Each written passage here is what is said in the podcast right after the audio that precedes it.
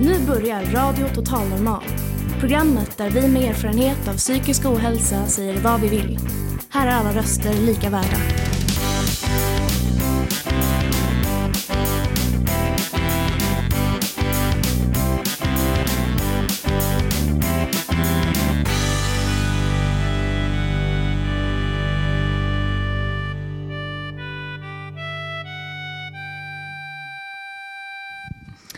Hej och hjärtligt välkomna till Radio Total Normal, ditt psyke i etern.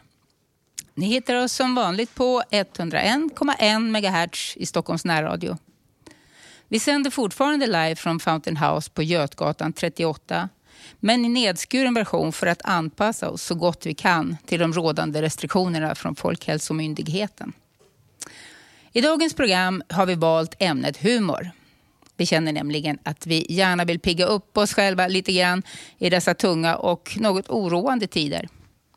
Vi hoppas att vi ska kunna sprida lite glädje även till er som sitter där hemma. Vi har bjudit hit komikern Jonas Dillner som bland annat kör stand-up på många av Stockholms scener.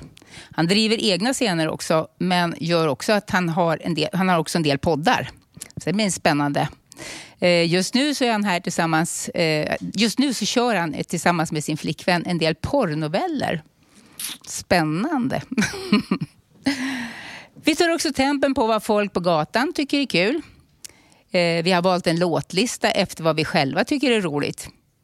Vi drar några skämt och undersöker vad vi själva tycker är kul. Och vi har även varit på bio och sett en kortfilm om hästar. Så varmt välkomna till dagens program. Jag som är dagens programledare heter Lilian Enbring. Nu så ska vi ut, jag ha mitt lilla face När det sägs något fräckt för vi ska faktiskt ut idag Mitt lilla face och jag, hej! Alla dubbelhakorna, näsan och kinderna Tjo! Munnen här, håret där, ögon och öron, ja, hej! Vi ska faktiskt ut idag, mitt lilla face och jag, tjo! Ja, det var Lill Lindfors med Mitt lilla face och jag. Nu så har vi Jonas Dillner här på besök. Och du kör stand-up, du konferencierar och driver en hel del stand-up-scener har jag hört. Du gör poddar som på olika sätt handlar om humor. Vad var det som fick dig att börja med humor?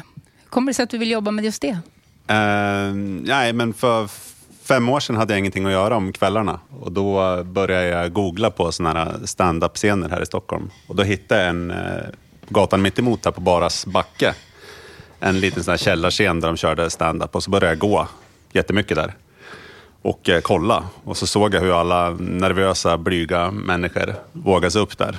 Och eh, till slut så bestämde jag mig för att ja, men om de som är så jädra nervös pallar gå upp och dra skämt, då borde jag också kunna göra det. Så då gick jag hem och började skriva och sen, eh, sen dess har jag liksom kört ja, flera gånger i veckan. Wow, mm. vad häftigt. Eh, vad är det för humor som du har? Vad, vad tycker du är roligt? Ja, men jag tycker det är roligt om det liksom, eh, man brukar eh, prata om lågt hängande frukt. Det tycker jag inte är så kul. Och det skulle ju då vara om, eh, säg att du och jag är ett par ja. ihop och jag tvättar dina kläder och de blir förstörda. Mm. Då är det lågt hängande frukten det att alla kvinnors kläder de är så känsliga att man, måste, man kan inte torktumla dem. Och, sånt. Det tycker jag inte är så kul, utan man, ska ha liksom, man får tänka ett varv till för, för att saker okay. och ting ska bli kul. okay. uh, ungefär så. Mm. Uh, kvinnor kan inte köra bil, det tycker jag inte är så kul. Nej, okay. Nej, då måste man hitta på någonting, någonting lurigare. Uh-huh. Ja. ungefär så. Vilka? Och så lite snusk förstås. Lite snusk, det går ja. alltid hem. Ja, det går alltid hem. Uh, vilka ämnen är det som är dina favoritämnen att, att skämta om? Ja, men jag skämtar gärna om mig själv. Mm. Det tycker jag är, det är nästan det roligaste. Och så försöker man hitta då såna här grejer som är, alla kan relatera till. Alltså saker som man skäms för kanske men inte vågar prata om och, och sådär. Då kan jag våga prata om det och så sen så eh, känner folk igen sig i det och fnissar eller skrattar. Eller Precis. Ja. Det är lite av den bästa humorn när man kan få känna igen sig och skratta åt sig själv ett tag. ja, men precis. och du står där och bjuder på, ja, på dina tillkortakommanden. Ja. Ja, det låter härligt. Eh, har du, hur är det att stå på scen? Ja, har du scennerver, eh, nervös eller känner du dig bara jättebekväm? Nu är jag hemma. Nej, alltså det där är så olika. Jag skulle precis säga att eh, en gång uppträdde jag efter Johan Glans. Oh, Och eh, att stå här är värre. Faktiskt. Jag menar, Varför är- det? Nej, men det här är liksom inte som man är van. Normalt brukar man ju gå ner i en källare som det är alldeles kolsvart i och man ser ingen alls. Men eh, här är det ju dagsljus och jag ser precis alla som sitter här så blir man ju toknervös. okej. Eh, Så det är så olika det där. Men alltså, vissa dagar då har man ju bra känsla i kroppen så det är bara att gå upp Mm. och, och köra. Men sen ja, andra dagen så är det ju annorlunda. Och när man arrangerar, som jag arrangerar ju mycket klubbar själv, då är man ju alltid nervös. För då är man ju som ansvarig för att alla komiker ska må bra, att publiken ska må bra, att eh, kanske restaurangen som man är på, att de ska må bra. Ja, då brukar jag vara jättenervös. För det är ju en helt annan roll Ja. eh, än att stå på scen och, och, och leverera själv på det viset. Mm. Vad är skillnaden? Liksom? Skulle du kunna beskriva den? Och hur väljer du ut dina eh, artister, eller vad jag ska säga? Eh, nej, men jag försöker alltid köra... Om jag väljer ut artister så försöker jag välja att det ska bli lite bredd. Så att ehm, alla ska få... Men publiken ska kunna... Alla ska kunna relatera till någon i alla fall. Sen har jag väl egentligen bara en regel, och det är att jag själv ska tycka de är kul, de som kommer. Men eh, senast jag arrangerade klubb var i helgen som var.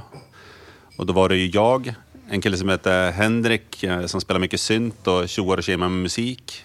Och en kvinna som heter Gisela som är, eh, han är kanske 30 då, Henrik. Och sen en kvinna som heter Gisela som är 58 tror jag från Östermalm. Och sen en eh, kille som heter Kristoffer som är eh, 35 och rullstolsburen ifrån eh, Gävle. Ja men så då får man ju liksom, eh, ja, Lite olika infallsvinklar. Ja, exakt, lite olika infallsvinklar. Så det inte bara är eh, tre medelålders eh, snubbar som står Nej, drar samma skämt. precis. Det var inte så kul. Nej, inte riktigt. Eh, Men det var någon till fråga du hade där inne. Ja, jag har fler frågor. Eh, Nu blev jag sugen på att veta vilken favoritkomiker du har om man får fråga en sån sak. Eller är det känsligt? Nej, det är inget känsligt. Jag behöver inte säga någon svensk. Nej, nej det behöver inte jag. behöver inte göra. Ehm, Sarah Silverman tycker jag är jätterolig. Eh, Hon är ja, amerikansk komiker. Som, Det sa inte mig så mycket. Jag, jag, jag, tror inte jag är ensam om det. Skulle du kunna säga någon som man, jag kan relatera till? Som du tror att jag skulle kunna relatera till? det skulle jag väl kunna göra. Robin Williams Ja, är ju rolig. absolut. Väldigt rolig. Han...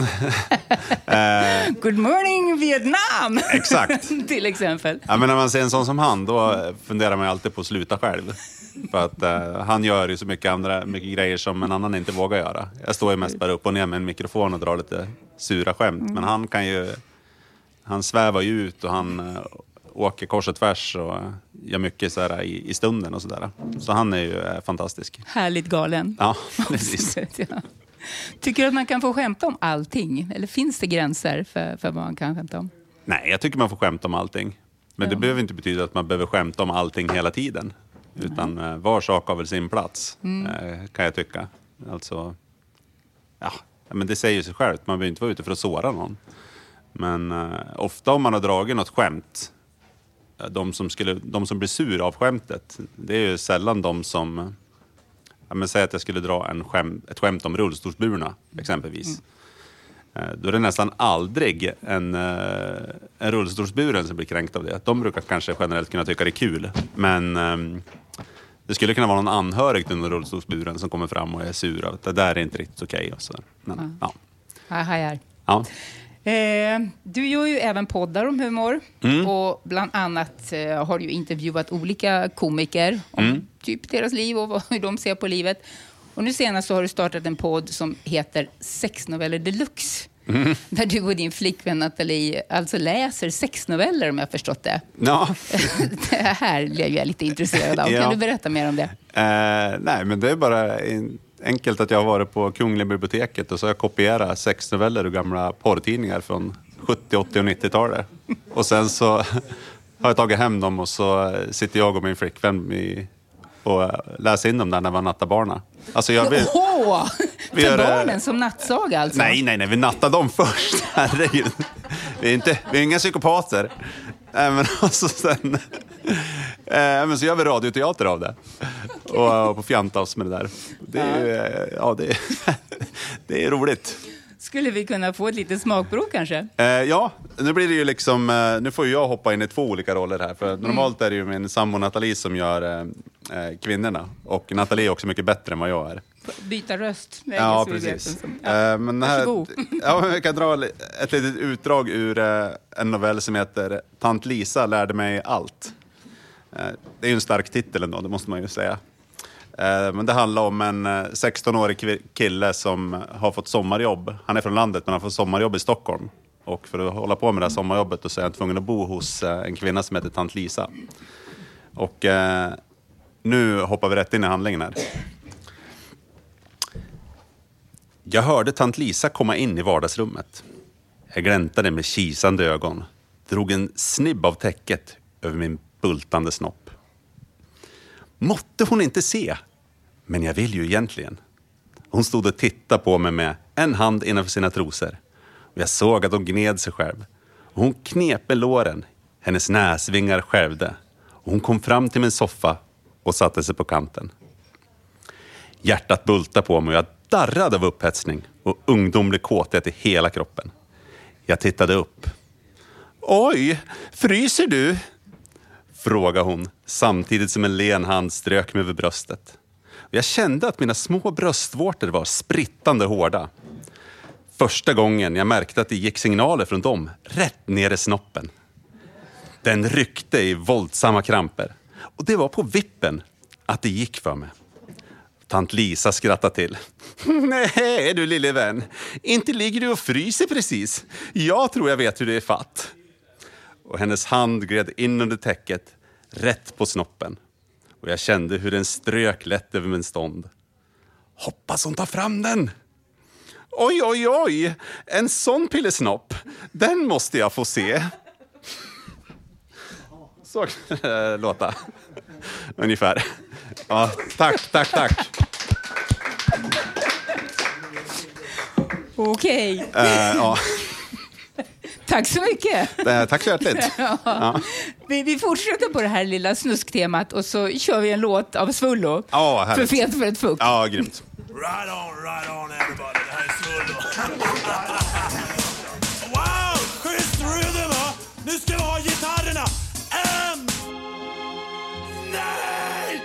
Spelar gitarrer!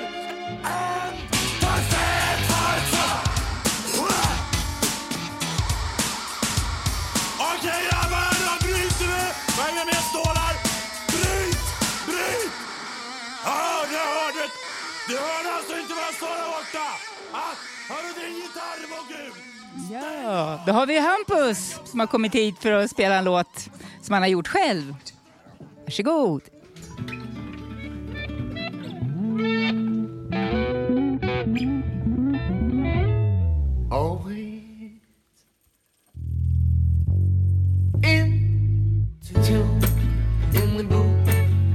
Singing for you into songs we play. Sing along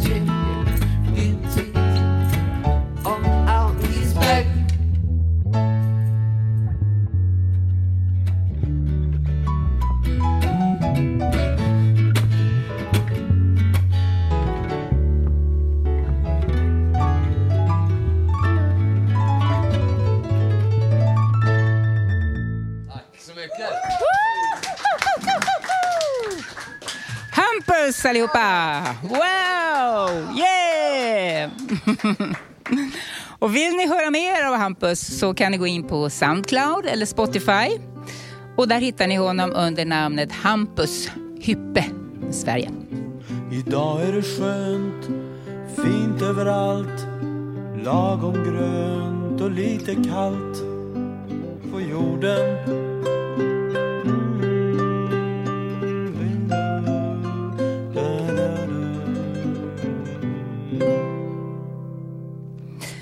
Ja, det där var Jojje Wadenius. Jag är det fulaste som finns. Eh, nu så ska vi presentera våra flygande humorreportrar Fanny och Ulla-Britt. De har varit ute på stan och tagit tempen på vad folk där ute skrattar åt. Så varsågoda. Välkommen till Radio Total Nu är vi ute på stan och frågar folk. Jag vill fråga dig, vad tycker du är roligt? Jag tycker det är roligt. Jag tycker det är roligt att kunna se komedier och jag tycker det är roligt att jag ändå kan få vara ute så länge jag får vara ute i solen. Tycker jag är roligt. Ska läsa böcker tycker jag är roligt. Och umgås med vänner är roligt. Och gå på idrott när jag får göra det tycker jag är roligt. Men det får jag ju inte göra nu. Vad, vad, vad, vad, vad tycker du är roligt?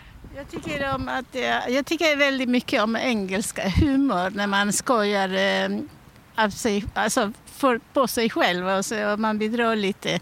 Det tycker jag är det roliga. Sen alltså bara med barnbarnen är superroligt. Så de kommer på alltså, jätteroliga svar på vanliga frågor. De är också superroliga. What sort of humor do you like? Uh, black humor. Black. Yeah. What is black humor? ah, maybe I translated it wrong. It's dry. dry. Yeah, Dry it's we say it's straight translate. We said in Germany. We said uh, I'm from Germany. Yeah. Sch- Schwarzer Humor, straightforward. yeah. Straightforward. Yeah. Okay, and you're from Germany. Yes, I am. Mm. And um, what do you laugh at in your country? No, it's more English. I like the English humor. That's what I mean with the black humor. The Yeah. German, the Germans are not really funny, to be honest. That's why the reason I spent most of my life out of Germany.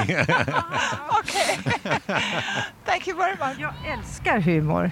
Ja, det är jättekul att, att busa och skoja och lyssna och, och så. Ja.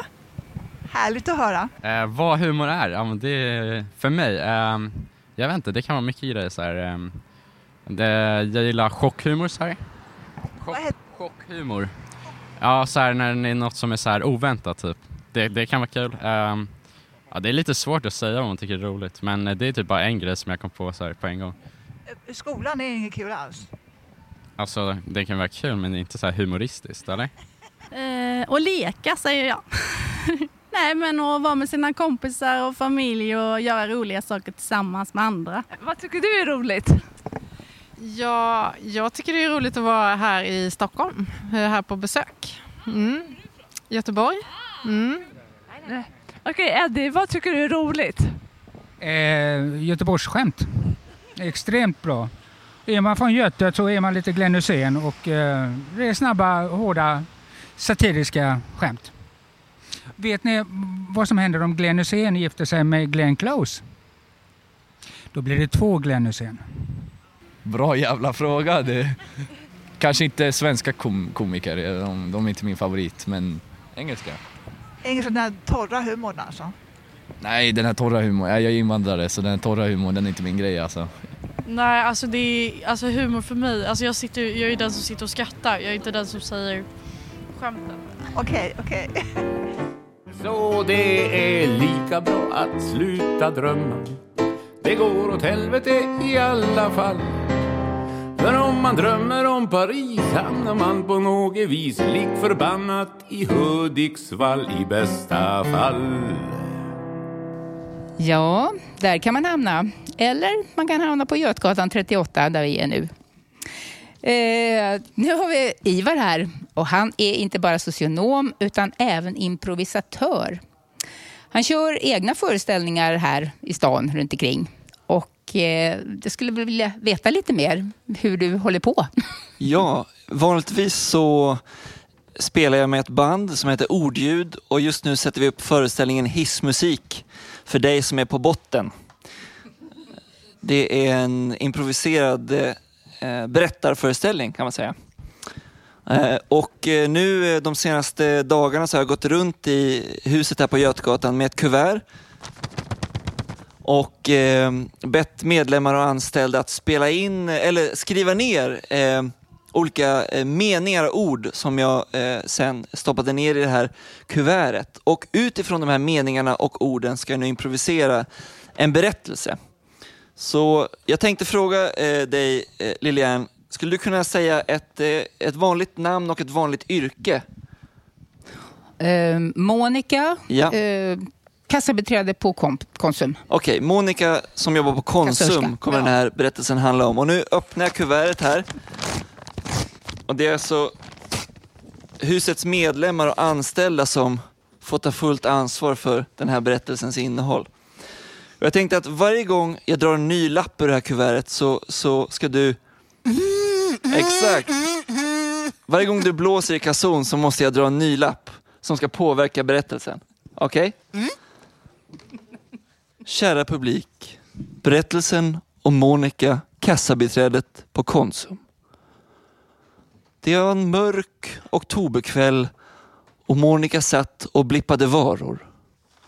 Då kom en stor kund fram till Monica och sa Du ser ut som en fisk. Och hade det inte varit så att Monica var väldigt, väldigt lomhörd så hade hon blivit kränkt. Istället sa hon, ja, det, var, det var snällt. Eh, och sen hoppade hon som en hare bort till fiskdisken och började packa upp frusen torsk ur lådorna. Kunden som var där för att sätta dit henne blev förbannad och, och sa sprita händerna minst två gånger. Och så tog han ner från hyllan en stor burk med sprit, tvålade in sina händer och tvålade in Monikas ansikte. Monica, som tyckte det var lite obehagligt, stapplade tillbaks till kassan och letade efter ett par strumpor. Det var strumpor av nylon, hon drog av dem från sina ben och började strypa kunden. Men kunden var inte sen på replik. Så han tog fram ett paket med cigaretter. Och så sjönk han ner på knä, alldeles andfådd framför Monica. Tog av sig nylonstrumporna runt halsen och sa jag borde verkligen sluta röka för att när någon stryper mig sådär, då har jag lite svårt att andas. Ja, sa Monica. Det borde du ha tänkt på. Jag firar alltid november i Los Angeles. Ja, det var positivt, tänkte den otrevliga kunden. Det var en positiv vändning. Får jag följa med?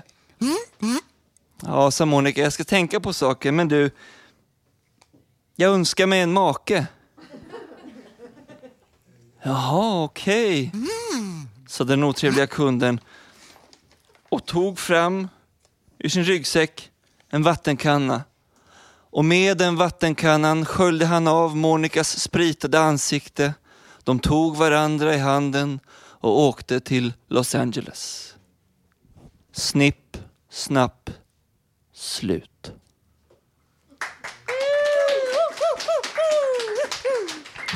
Tack så mycket, tack så mycket. Jag är en liten fjärilslarv som legat och förhoppat mig Men nu så vill jag gärna ut och pröva mina vingar Jag vill flyga, flyga långt, långt bort Nu flyger jag, nu flyger jag, ja nu flyger jag. Flax, flax, flax, flax, flax. Fast mycket fortare. Ja nu flyger jag.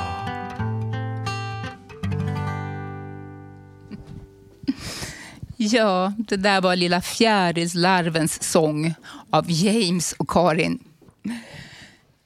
Eh, då så, då har vi kommit fram till en liten berättelse här.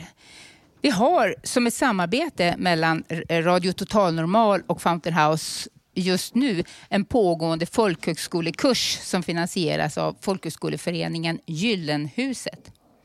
De skulle egentligen varit här idag, men på grund av rådande restriktioner så kunde de inte komma hit från Göteborg där de håller till.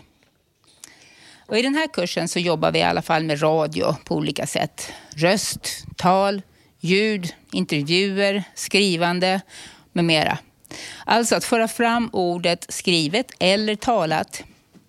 Vi har haft en del inspirerande föreläsningar och workshops i allt från journalistik till kreativt skrivande och berättande. Nu ska ni få höra ett litet inslag från ett av våra workshopstillfällen. Uppgiften var att med inspiration av endast en given mening ur en bok fortsätta att utforma en improviserad historia där var och en fyllde på med varsin mening. Och så här blev det. Förutom just den meningen kan man eh, också läsa upp den här från en annan tidning. Andlighet är eh, mitt stora intresse just nu. Jag håller på att utveckla min andlighet i naturen med eh, mina vänner här på huset. Och I naturen kan man lära sig kärlek och eh, gemenskap och enhet. Det är den attityden som även fungerar bäst socialt, så sociala varelser. Som eh, undulater, eh, bostadsrättsföreningar och eh, eh, korvförsäljare. Det har inte funnits eh, tidigare i eh, världshistorien men eh, från och med i år, 2020, är det en eh, tradition som ska sträcka sig lång tid framöver. Ja, vi kommer osökt fram till corona i det läget. Och då har ju aldrig det inträffat förut, men det kommer ändra hela vårt eh, tänkande om hälsa och, och om, om eh, andlighet, hur vi ska utveckla andligheten istället då för sjukdomar, tycker jag. Ja, och detta förhållningssätt, att titta från det högre perspektivet, gör att vi kan förstå varför det fungerar som det gör.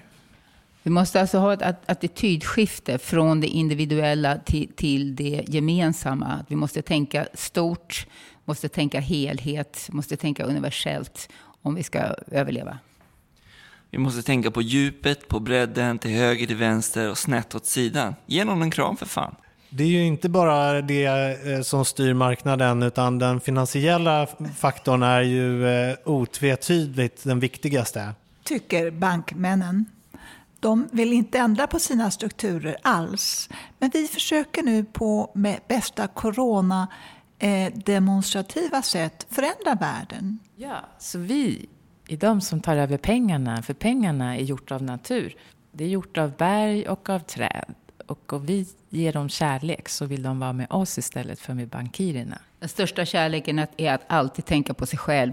Låt egoismen segra i alla lägen. Jag till exempel, jag har en klubb för pengar eh, där olika berg och trädpengar får hänga hur mycket de vill. Jag funderar på vad jag ska kalla den här nya typen av klubb. Bank kanske? Och i den finns ju eh, andra föreningssparbanker eh, sparbanker som eh, tillsammans vill gå ihop och eh, avyttra en del till eh, något nytt. Eh, som till exempel guldsamlingar kan man ju försöka sälja de man har hemma, såg jag i tidningen. Man kan sälja dem till mycket högt grampris nu för tiden. Men guldet vill egentligen hem, hem till berget som det kommer ifrån. Och ber om hjälp att få komma hem. Och när guldet är hemma så måste vi ju konstruera något system som får de svagare att alltid inbilla sig att de har vunnit. Och i och med det så har vi alltså eh, infört en helt ny valuta som heter Briktan. Briktan. Och det är kejsarens nya kläder. Alla samlar på Briktan. Ingen vet vad det är eller var det finns någonstans. Eller hur de kommer till eller vart man ska använda dem till ens. Men just nu på Ikea så kan man köpa bokhyllan Orvar för bara 2000 briktan. Eh, så det kan man ju möblera de här guldgrottorna med om man vill. Och likt Kazakstan så ska man förbjuda eh, den typen av valutor. Så eh, vi ser en dyster framtid. Och bara med en annan valuta. Lika, osäker, eller lite, lika säker som osäker den. Och därför har vi alla bestämt att kollektivt att vi går tillbaka till ben. Så vi byter valuta till djurben. Men på grund av att många djur är utrotade så måste vi börja använda mänskliga ben och handla med. Och är det tomt där på, på Konsum, då kan man ju bara koka soppa på sin egen valuta.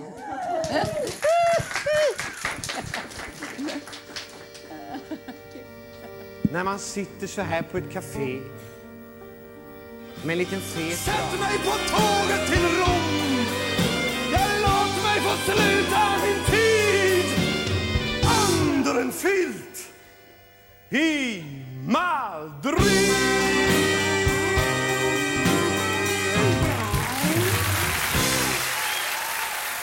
Ja, det där var Galenskaparna och Aftershave med Under en filt i Madrid. Eh, nu har jag Lisa här som ska prata lite grann om nyskapande ord som en förening som heter Mind eh, har satt ihop till en bok. Du kan få berätta lite mer om det. Ja. Eh, det är så här att det varit en period i mitt liv då jag mådde väldigt dåligt och jag hade ångest. Känslorna blev väldigt stora då och jag hade svårt att sätta ord på allt jag kände. Och jag hade också svårt att förklara för andra vad jag gick igenom. Men då skulle jag haft den här boken som jag nu ska berätta om för er här. Boken heter Ord inuti och den är som sagt utgiven av föreningen Mind. Eh, föreningen Mind är en ideell förening som verkar för psykisk hälsa, bland annat med olika stödinsatser.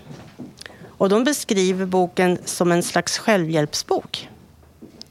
På baksidan av boken står det så här. Vårt språk växer fram i en tid i livet då det var viktigare att överleva än att känna efter. Därför saknar vi fortfarande ord för att beskriva hur vi mår. Forskning om psykisk hälsa säger att vi mår bättre av att prata. Under den här tiden i mitt liv som jag beskrev nyligen så kunde jag ibland känna mig så cementär. Det är ett ord från den här boken. Cementär. Det är känslan av att bli fysiskt tyngd på grund av sitt mående. Jag ska beskriva ordet lite tydligare från boken.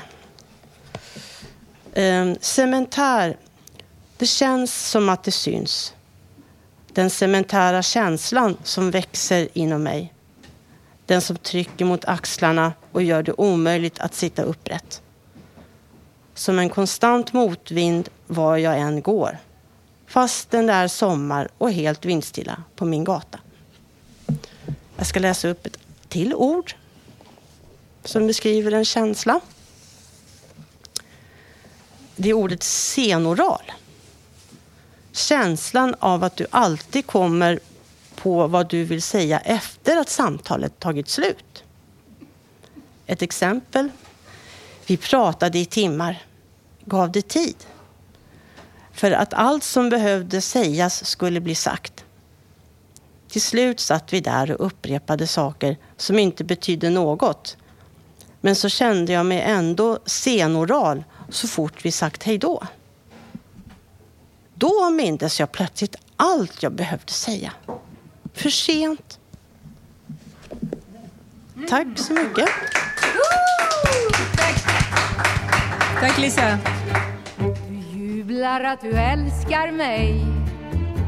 Vi kvittrar om vårt liv. Så vill jag bli din. Så vill du bli min soptipp.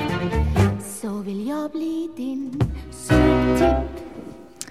Ja, det där var Barbro Hörberg som frågade om du vill bli min soptipp. Eh, nu ska vi få höra Felix som har filosoferat lite grann över vad humor betyder för honom, men även för samhället i stort. Han kommer bland annat fram till att det ibland rent av kan fungera som en slags överlevnadsstrategi med humor. Jag har alltid sett humor som en stor lycka här i livet med livräddande egenskaper. Min mamma har berättat att hon för länge sedan åkte runt på Västbanken i Israel. De hade kommit vilse och hittade inte vägen tillbaka till Jerusalem. Det var i en tid då det inte fanns någon GPS. Chauffören var mörkblind. Det började skymma och ingen annan i bilen hade körkort. Att övernatta mitt i öknen var ingen bra idé. Vägen de körde på visade sig sluta på toppen av en kulle i en by på en torgliknande plats. Just som bilen började vända på torget kom ett gäng tonårskillar som såg bilen med israeliska nummerskyltar. Som på en given signal började ungdomarna knuffa bilen mot branten. Utan särskilt mycket aggressivitet, mera som något lekfullt. Bilen var en lätt Peugeot som trots sin last av tre passagerare var en ganska enkel grej att flytta på för ett tiotal unga pojkar. Mamma satt i baksätet och kunde inte göra någonting. Bilen kom närmare stupet och spänningen steg. Hon berättade att hon hade upplevt eh, situationen som totalt absurd och började storskratta. Killarna som knuffade började också skratta och slutade knuffa bilen. Chauffören vände och de åkte därifrån oskadda. Humorns makt som livräddare. Jag går på en israelisk självförsvarskampsport. Kramaga, sedan i fem år. Där har jag lärt mig att eh, humor är ett väldigt bra verktyg för att skrämma iväg angripare. När man använder humor i kramaga är man först lugn och lugnar ner situationen tills angriparen känner sig mindre sugen på att anfalla.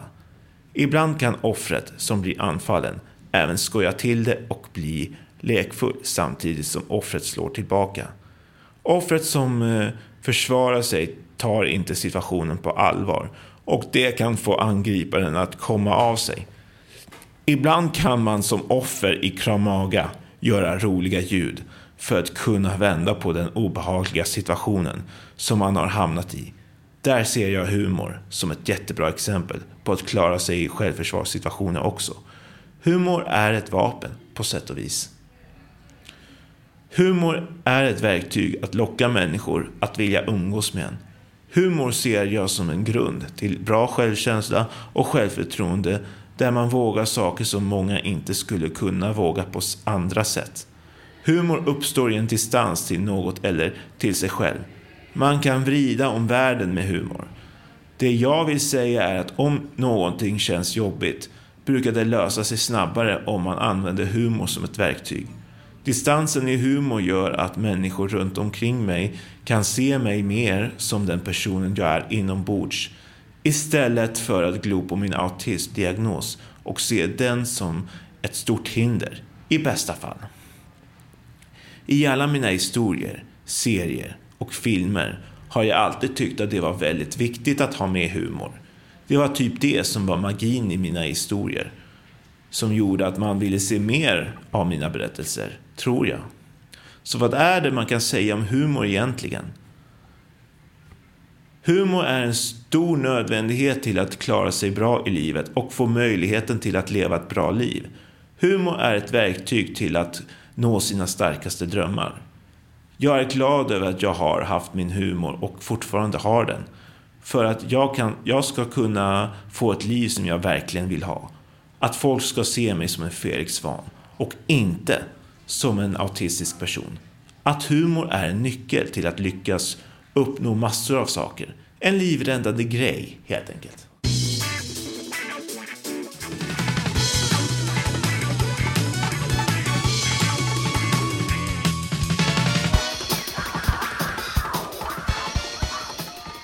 Eh, det vi hörde nu var Enzo Bontempi med The Chase.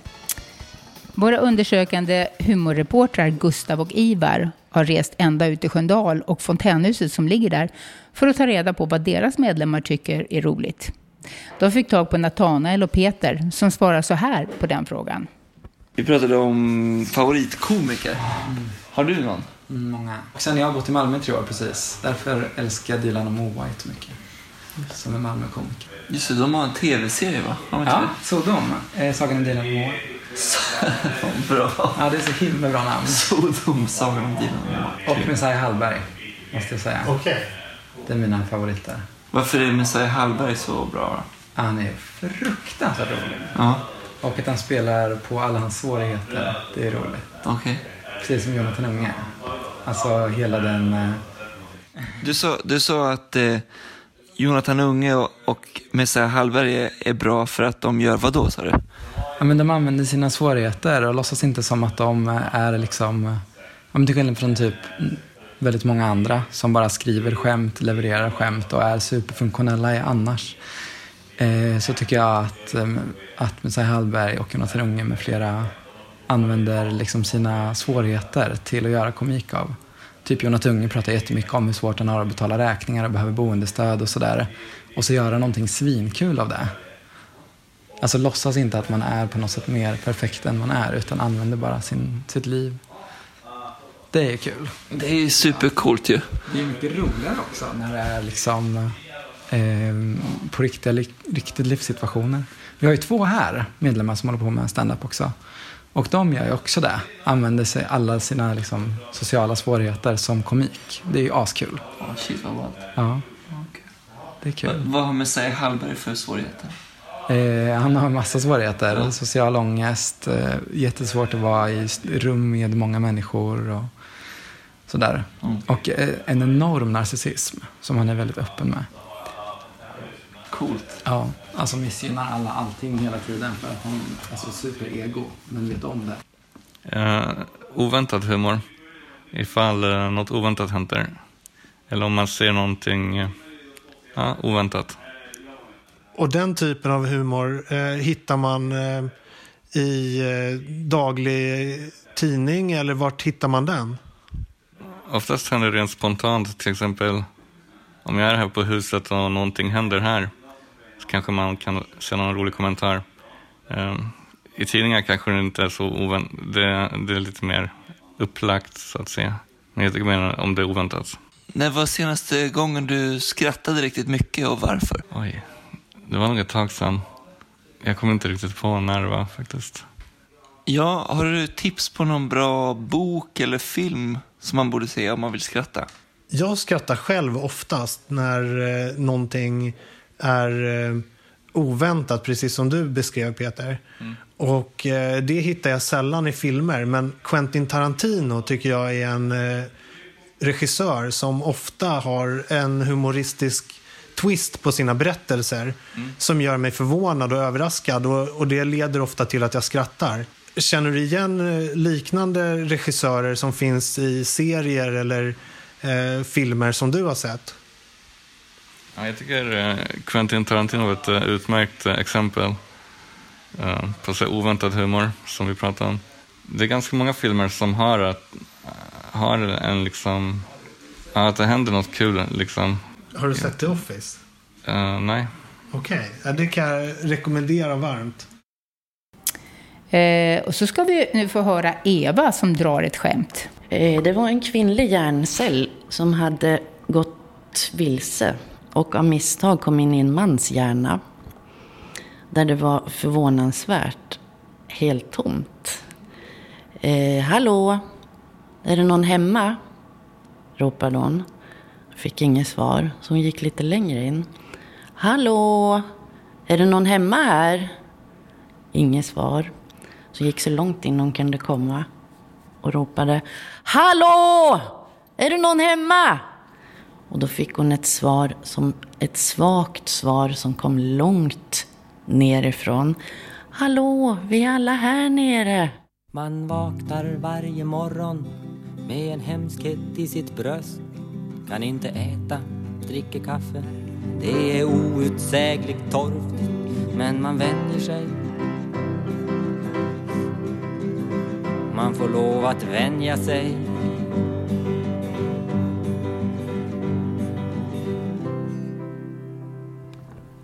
Och det vi hörde nu, det var Kjell Höglunds Man vänjer sig. Nu ska vi få höra ett inslag som vår filmreporter Eva har gjort. Hon har tittat på kortfilmen A Legacy of Horses. En film om hästkultur på Irland. Eh, och hon har fått ett par ord med Jessica Karlsson som är en av filmens skapare. Eh, ja, jag heter Eva och kommer från Radio Total Normal. Jag tänkte höra om du kan berätta lite om er, ert projekt, er film.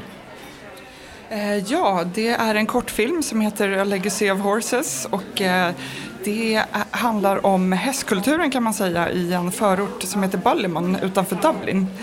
eh, som är väldigt unikt i den bemärkelsen att eh, det finns en väldigt urban hästkultur. Så att det är mycket lösgående hästar på grönområdena runt omkring där och människor har alltid haft hästar omkring sig.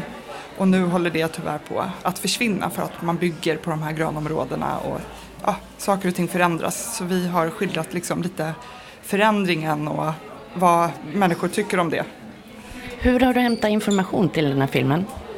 Eh, vi har varit där under eh, två år och eh, filmat och lärt känna människor i området. Och vi kom faktiskt på idén att filma där för att vi bodde på Irland i början på 2000-talet själva. Så det var då vi upptäckte den här platsen som vi tyckte var så himla fin. Så vi återvände. Det är du och din syster då? Ja, precis. Det är jag och min tvillingsyster Annika som har gjort filmen. Kan du berätta lite om er? Vilka är ni? Ja, eh, vi är tvillingsystrar och eh, regissörer och producenter så vi eh, håller på att göra dokumentärfilm. Ehm, och vi eh, har gjort en tidigare långfilm faktiskt som också utspelar sig i, i Balleman. Och sen har vi gjort en kortfilm som handlar om tangodans i eh, Argentina. Vad heter långfilmen? Den heter Loving Lorna. Eh, kan, var kan man hitta den? Eh, den finns på Draken Film eh, som är en streamingtjänst. Så kan man, eh, för 79 kronor kan man bli medlem så kan man titta på jättemycket bra film. Och det, den är också dokumentär då? Ja, det är en dokumentär. Och den handlar om? Det handlar om eh, Lorna som är en um, ung tjej som bor där som vill bli hovslagare. Så hon uh, och hennes familj kan man säga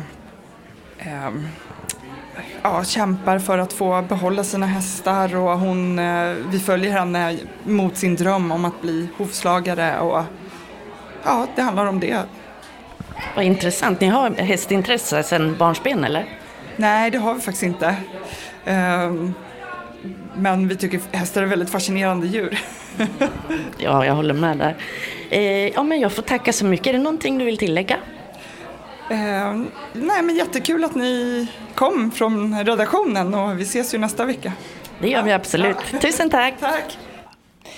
Ja, och syntes nästa vecka, det gjorde vi då Jessica var här och höll i en workshop om hur man kan uppmärksamma och undvika att hamna i normativa skildringar av till exempel män och kvinnor i film och annan media.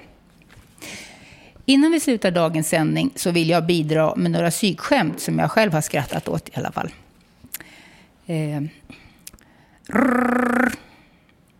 Rrr. Hej och välkommen till psykhimlen. Om du är tvångsmässig, tryck 1 om och om igen.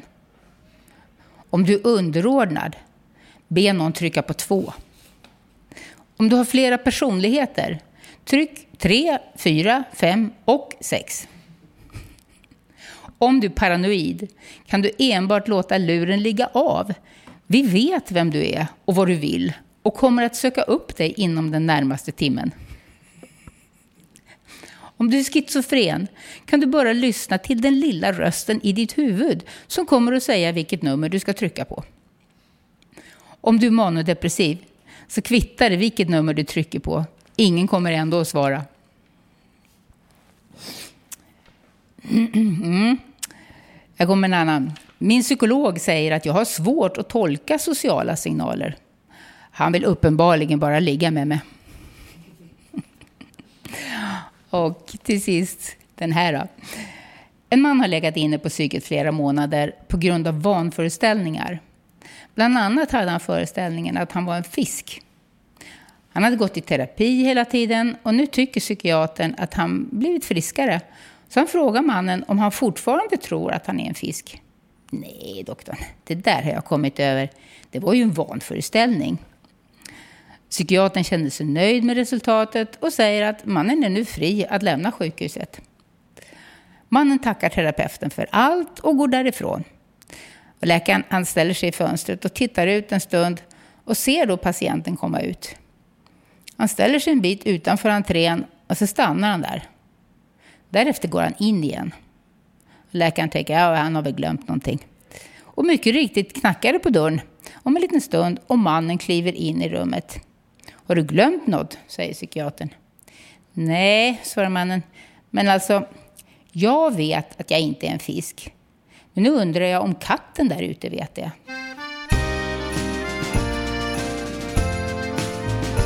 Med en bur i ditt garage kan du samla på dig flera. Du kan få min farbror Lars för en hundring på Tradera. Han blev inlagd häromdagen och visst är det synd om karln. Men i slutändan är julen ändå till för våra barn. I slutändan är julen ändå till för våra barn. Det vi nu har hört var Ola Aurell med farbror Lars. Det där var allt vi hade att bjuda på idag. Nästa livesändning blir förhoppningsvis den 19 november beroende på hur det blir med restriktioner från Folkhälsomyndigheten. Vill du vara med i programmet så kan du höra av dig till malin radiototalnormal.se.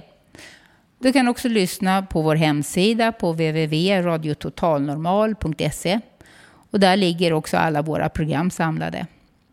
Du kan även hitta oss på Facebook, Twitter, Instagram och där poddar finns.